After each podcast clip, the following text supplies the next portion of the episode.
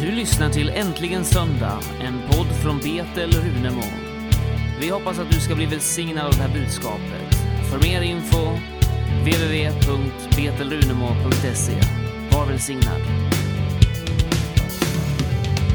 Vi ska ju ha ett kort församlingsmöte här idag efter mötet och vi ska ha Herrens nattvard innan. Men det var ett ord från Markus evangelium som faktiskt kom till mig på den här underbara torsdagskvällen som vi hade här i torsdags. Det var ett fint Guds ord, Tord, som du gav oss ifrån Efesierbrevet i torsdags kväll. Och när jag satt här och lyssnade till Tord, då fick jag texten för predikan idag. Det kan vara så när man är med på en gudstjänst och lyssnar till en predikan, bara plötsligt så öppnade sig ett textsammanhang. Och det talades ju i eh, torsdags kväll här på Böneberget också om detta att kunna ha våra ögon öppnade så att vi kan se den härlighet som Gud har berett åt oss.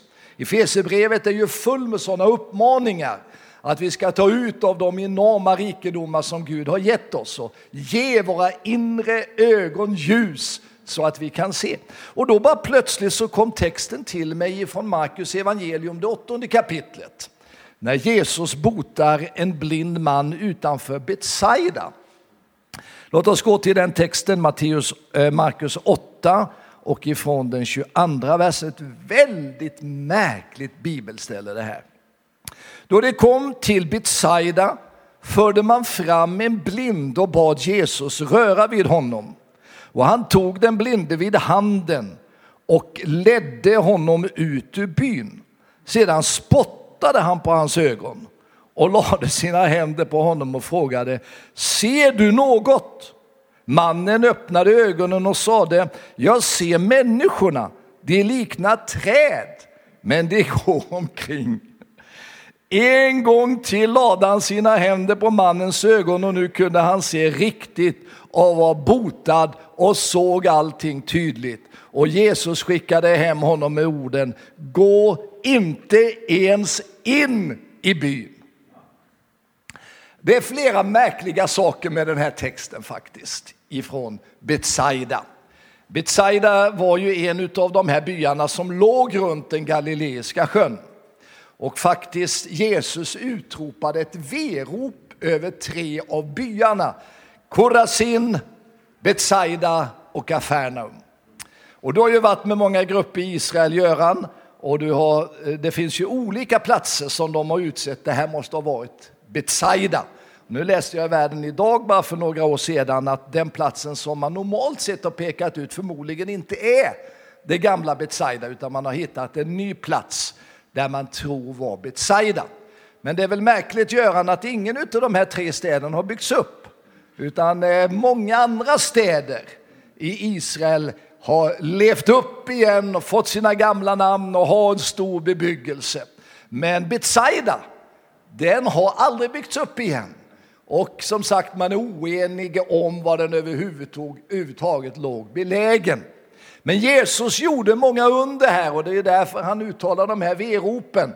Och han hade sagt att om de här undren hade skett i Sidon och andra hedniska områden, då hade de förmodligen gjort bättring för länge sedan.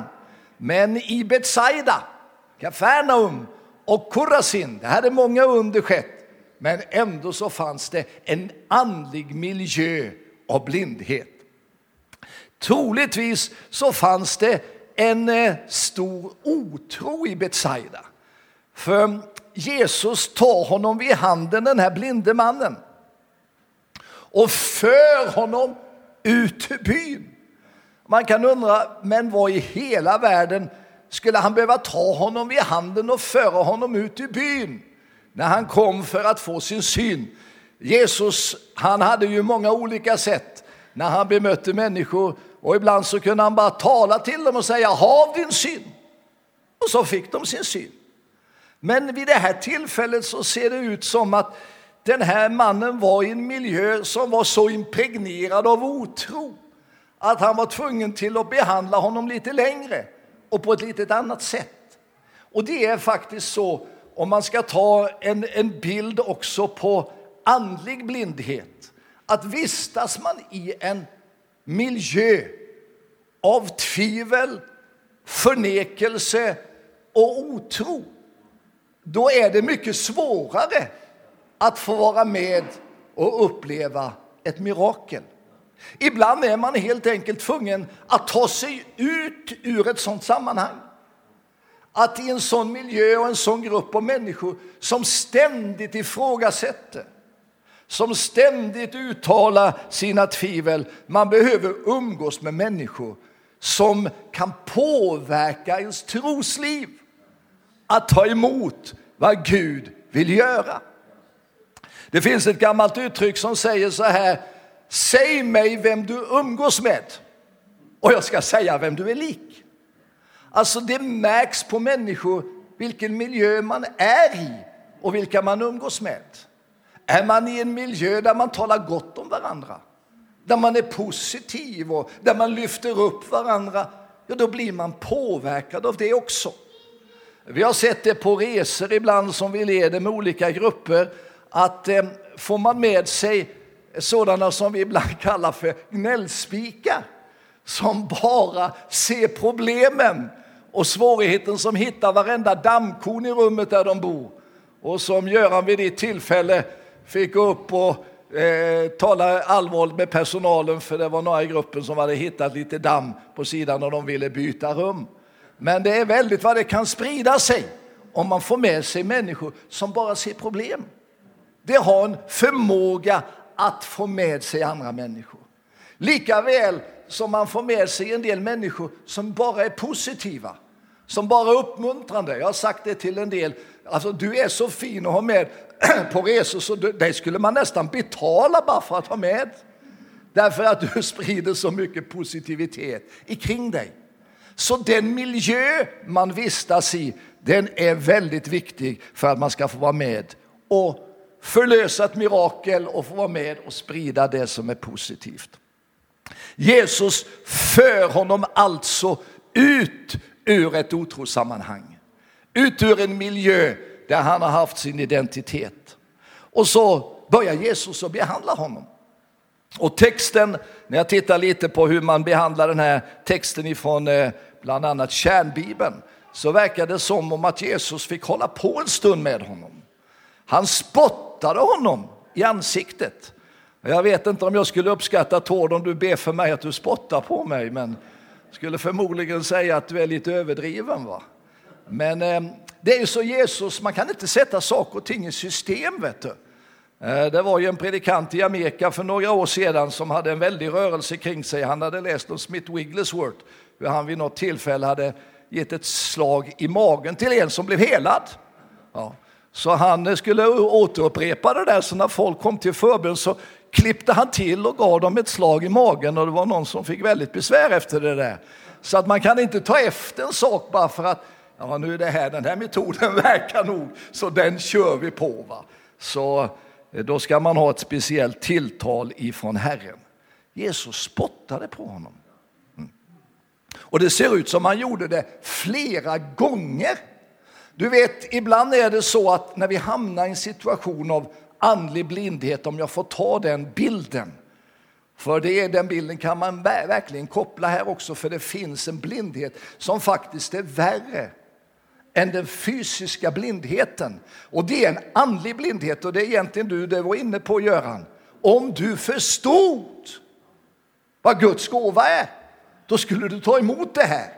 Vad är det som gör att så många människor inte tar emot evangelium? Därför att de är andligt förblindade. De kan inte se det du och jag ser.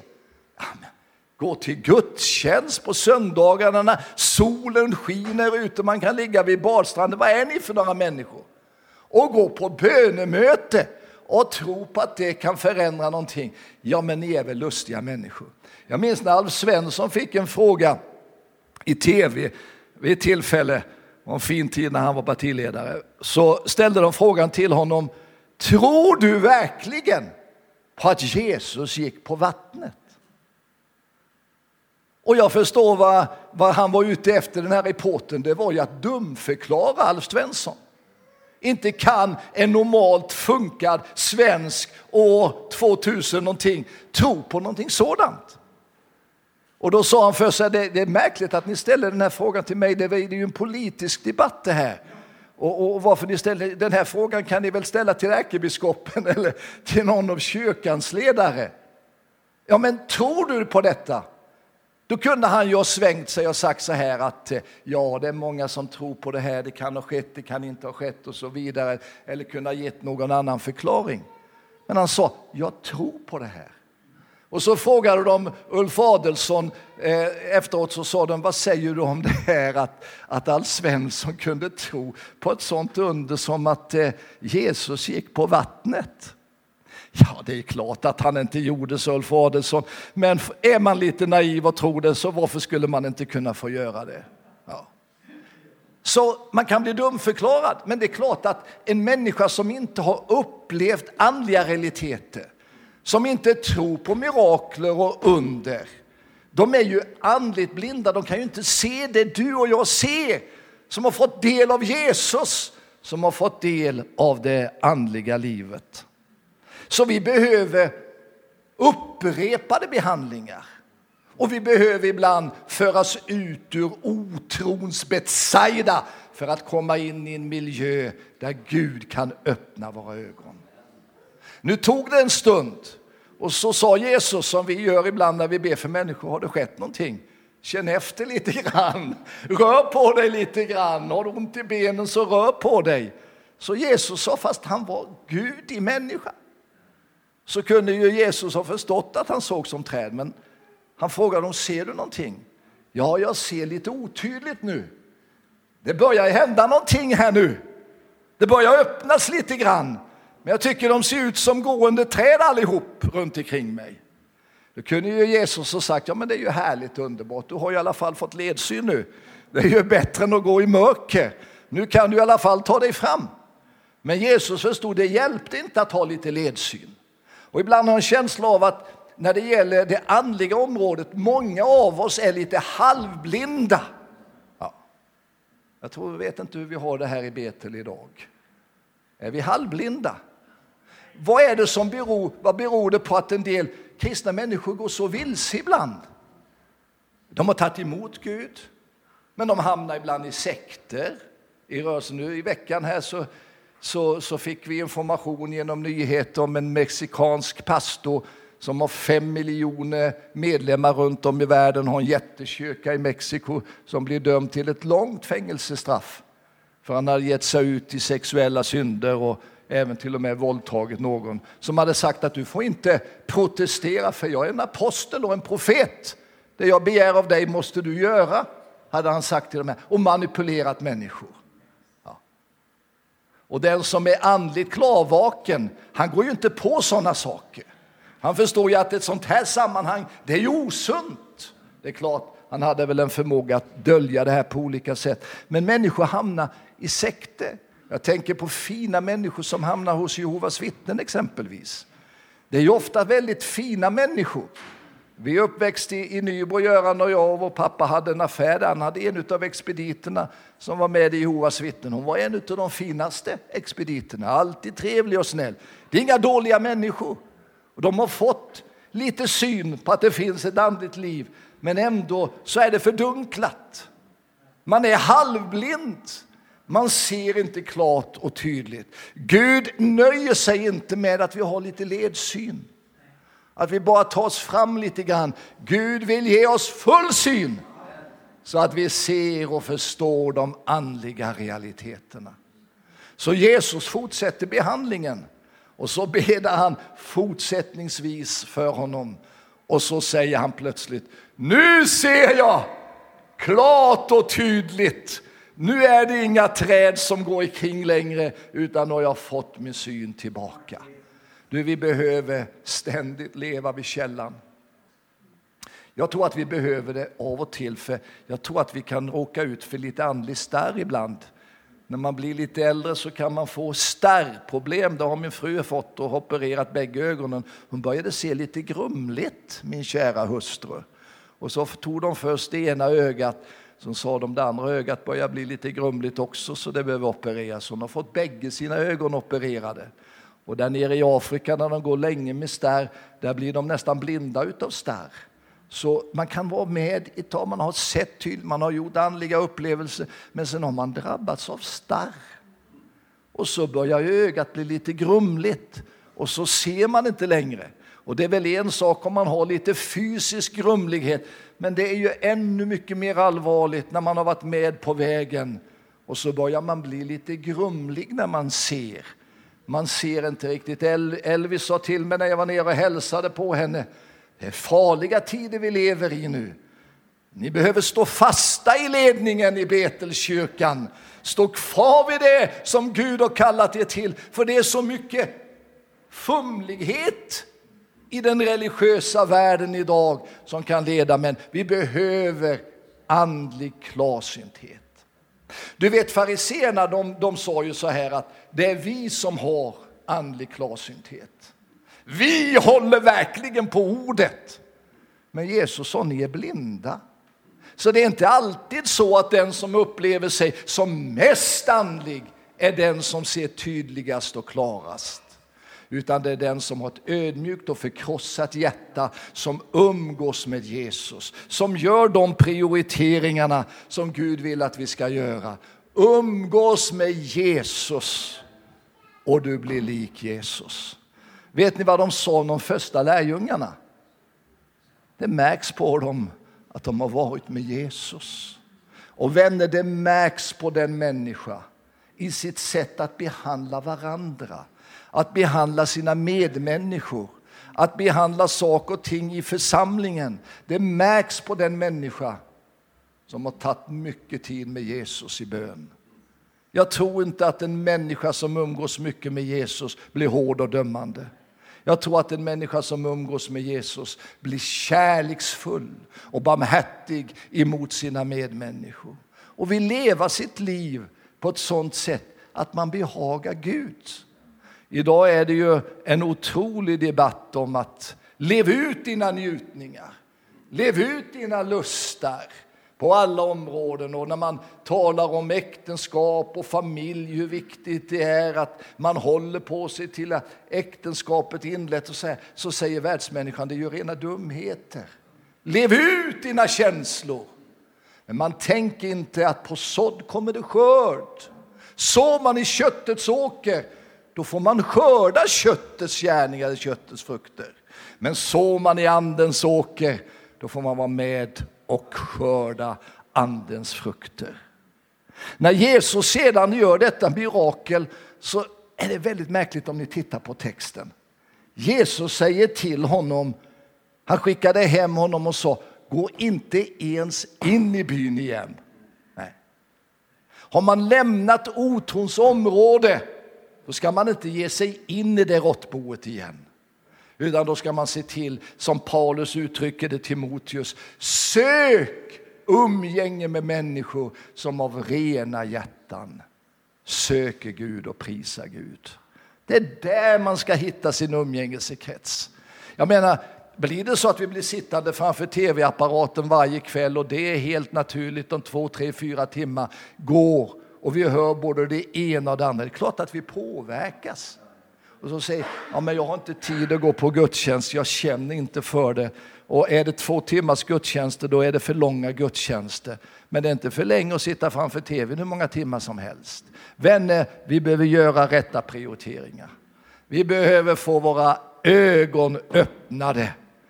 Och det står i, i brevet i Uppenbarelseboken, det tredje kapitlet till församlingen i Laodicea. Du säger att jag är rik. Du säger att jag har allt. Du säger att du ser, men du är fattig, du är blind, du är naken. Men jag har medicinen åt dig. Halleluja! Det finns en medicin i Betelkyrkan idag. Det finns en himmelskolja, det finns en salva som verkligen gör mirakler i våra liv. Jesus säger, smörj mina ögon, smörj mina ögon så att jag kan se de andliga realiteterna. Se det är inte världsmänniskan ser. Det världens barn aldrig kan ta emot. Det vi har här i vår gemenskap. Vänner, vi ska vara rädda om varandra. Var rädda om varandra. Var rädd om din medbroder. Var rädd om din medsyster. Var rädd om din granne. Du kanske tycker han är långt borta ifrån Gud, men vinn honom med kärleksgärningar. Var rädd om varandra. Låt det synas i vårt liv vem vi umgås med. Ska vi be tillsammans? Tack Jesus för att du är vid vår sida den här gudstjänsten. Tack att du vill välsigna nattvardsstunden som vi går in i nu Jesus. Vi tar del av ditt fullbordade försoningsverk. Det var ditt blod som rann på Golgata, det var din kropp som offrades för vår skull. Nu Jesus vill vi ta del av bordet som dukas framför oss där du själv har lovat på ett speciellt sätt att vara närvarande. Tack Jesus att jag, trots min ofullkomlighet och trots mina brister, får ta del i nattvarden idag och vara ett med ditt folk och ett med dig. Välsigna så den här stunden i Jesu namn. Amen.